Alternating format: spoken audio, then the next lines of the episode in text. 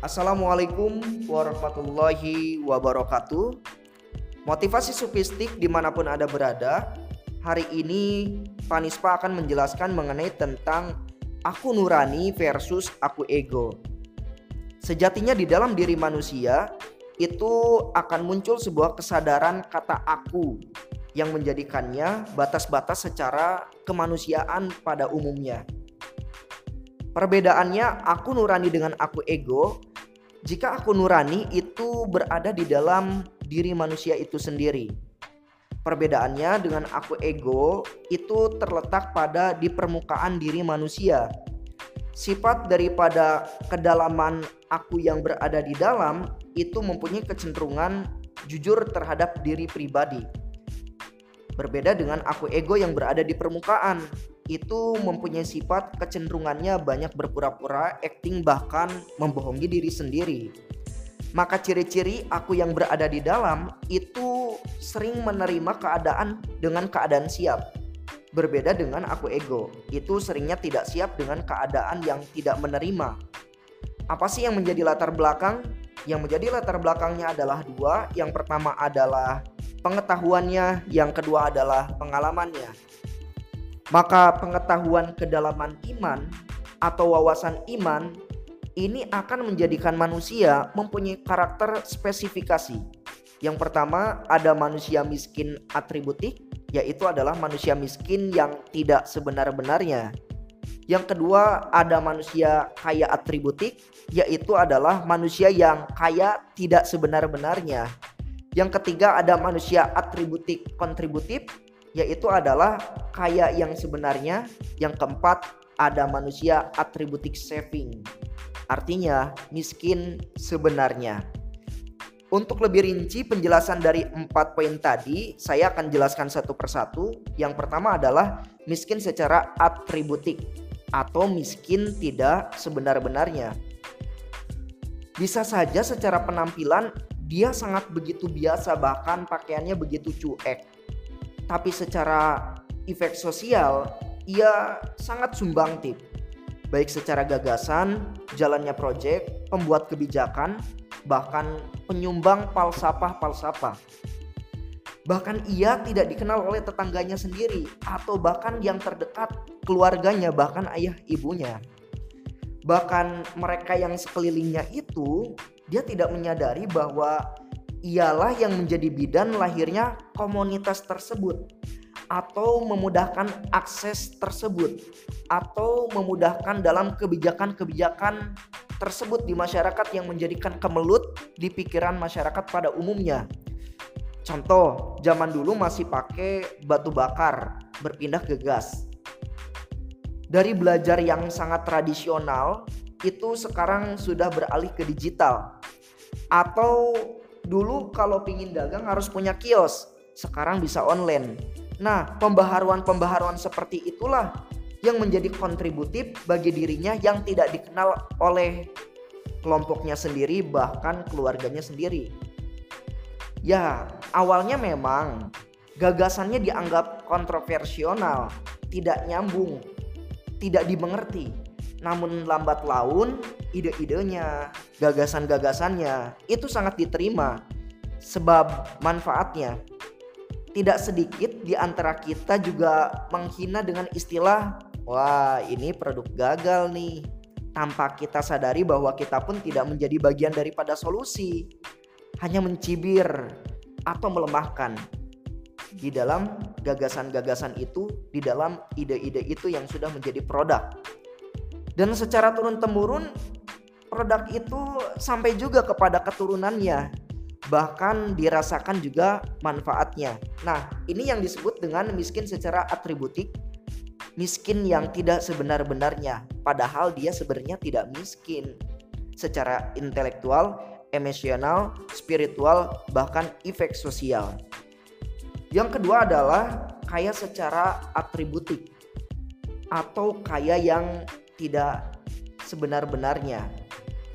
Karena tidak siap disebut miskin, akhirnya nganjuk, akhirnya kredit. Sebab apa? Karena hanya ingin dibilang tasnya bagus, motornya bagus, rumahnya bagus padahal orang lain tidak peduli dengan bagus dan tidak bagus. Bahkan apalagi dengan susah payahnya ia menyicil cicilan-cicilannya. Alhasil hidupnya hanya sebatas beban-beban gengsi, sangat capek, bahkan stres.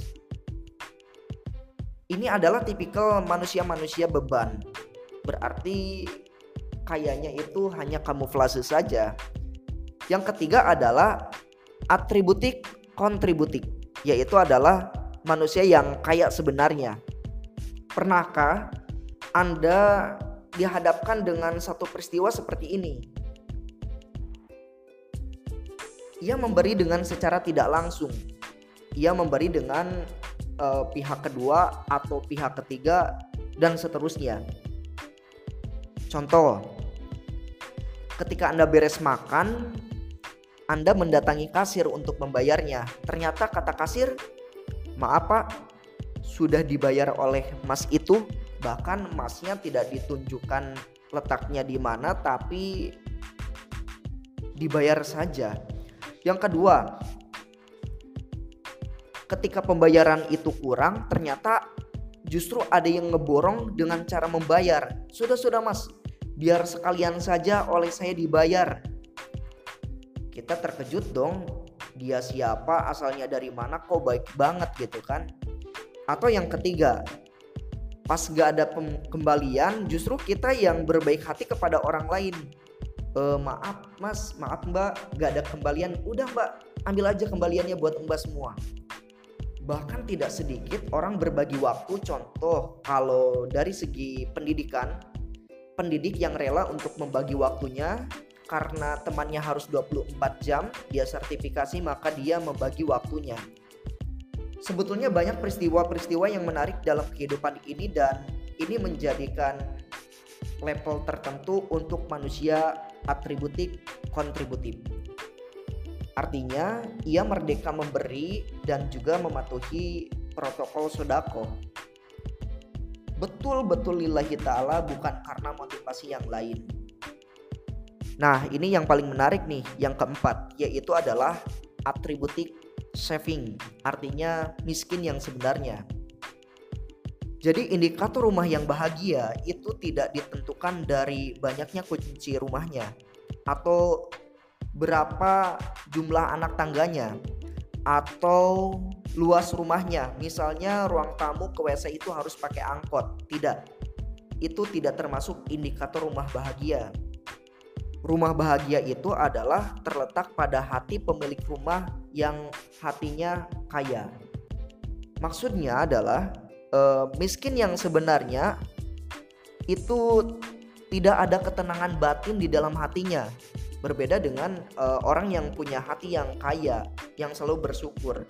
Tetapi orang yang miskin sebenarnya itu selalu tidak bahagia, sedikit-sedikit stres, apa-apa jadi kepanasan kalau lihat orang beli sesuatu yang baru sekalinya hilang nuduh ke orang lain jika punya keinginan tuh bawaannya kekeh dan gerah gitu ketika dia marah seperti anak-anak ketika ada sesuatu yang tidak cocok dengan hatinya seakan-akan paling menderita paling capek sendiri paling susah payah sendiri paling punya jasa. Sekalinya diberikan pemahaman, outputnya adalah aral, memalingkan wajah, masa bodoh, tapi giliran orang lain itu harus mendengarkannya, itu harus siap dikritik, semuanya harus nurut uh, sesuai dengan apa yang diatur dia atau diperintahkan dia. Ya artinya orang-orang yang seperti ini adalah orang-orang yang kurang zikir, lemah pikir, kurang syukuran. Jadi jika kejadiannya pada aku yang di dalam itu sering ada komunikasi pingpong secara reflektif berupa kejujuran. Contoh, kira-kira omongan ini bikin enak atau bikin enek ya? Oh, dia diam barangkali. Aku yang salah. Aduh, malu banget. Kenapa saya berperilaku seperti ini? Ya udah nggak apa-apa. Saya disebut miskin. Tidak masalah emang begini adanya. Gak masalah. Ia merendahkan saya mungkin dia belum tahu secara langsung. Tapi memang ya saya sadar saya ini makhluk yang sangat terbatas dan bukan siapa-siapa. Itulah komunikasi secara pingpong ke dalam diri manusia. Di dalam diri itu terdapat nurani. Akan berbeda dengan aku yang berada di luar itu pasti outputnya adalah output output ego bahkan super ego. Contoh jika bukan karena aku daerah ini nggak akan seperti ini. Atau siapa lagi kalau bukan aku? Tahu sendiri kan yang paling capek siapa? Atau bisa juga itu kalau nggak ada saya bubar berantakan. Atau ada kalimat yang seperti ini masa kamu nggak bisa kayak aku?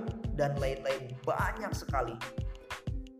Aku yang berada di dalam mengajarkan kita menerima dan sadar perbedaan perbedaannya aku yang berada di luar itu seringnya berpura-pura maka Panispa mengajak kepada diri kita semua jadilah aku yang di dalam belajarlah tentang aku yang berada di dalam dan minimalisirlah aku yang berada di luar. Wassalamualaikum warahmatullahi wabarakatuh.